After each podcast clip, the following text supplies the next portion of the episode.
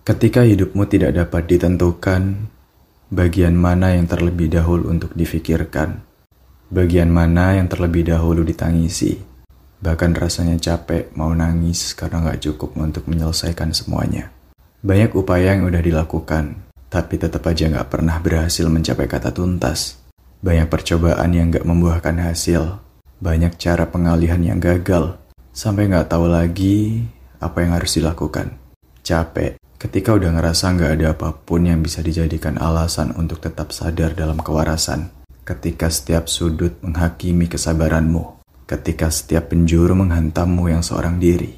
Keterdiamanmu atas riuhnya isi kepala. Hanya butuh waktu untuk meredah.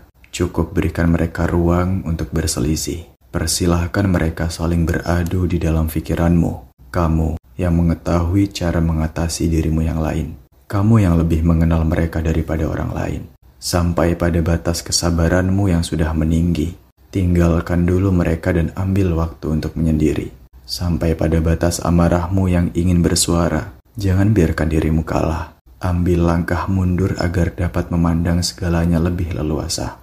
Kerumitan yang hadir adalah langkah-langkah untuk mendewasakanmu. Keadaan yang menghimpit merupakan udara yang akan membuatmu rindu, merindukan, Betapa banyak hal yang patut untuk disyukuri. Tarik nafas dalam-dalam.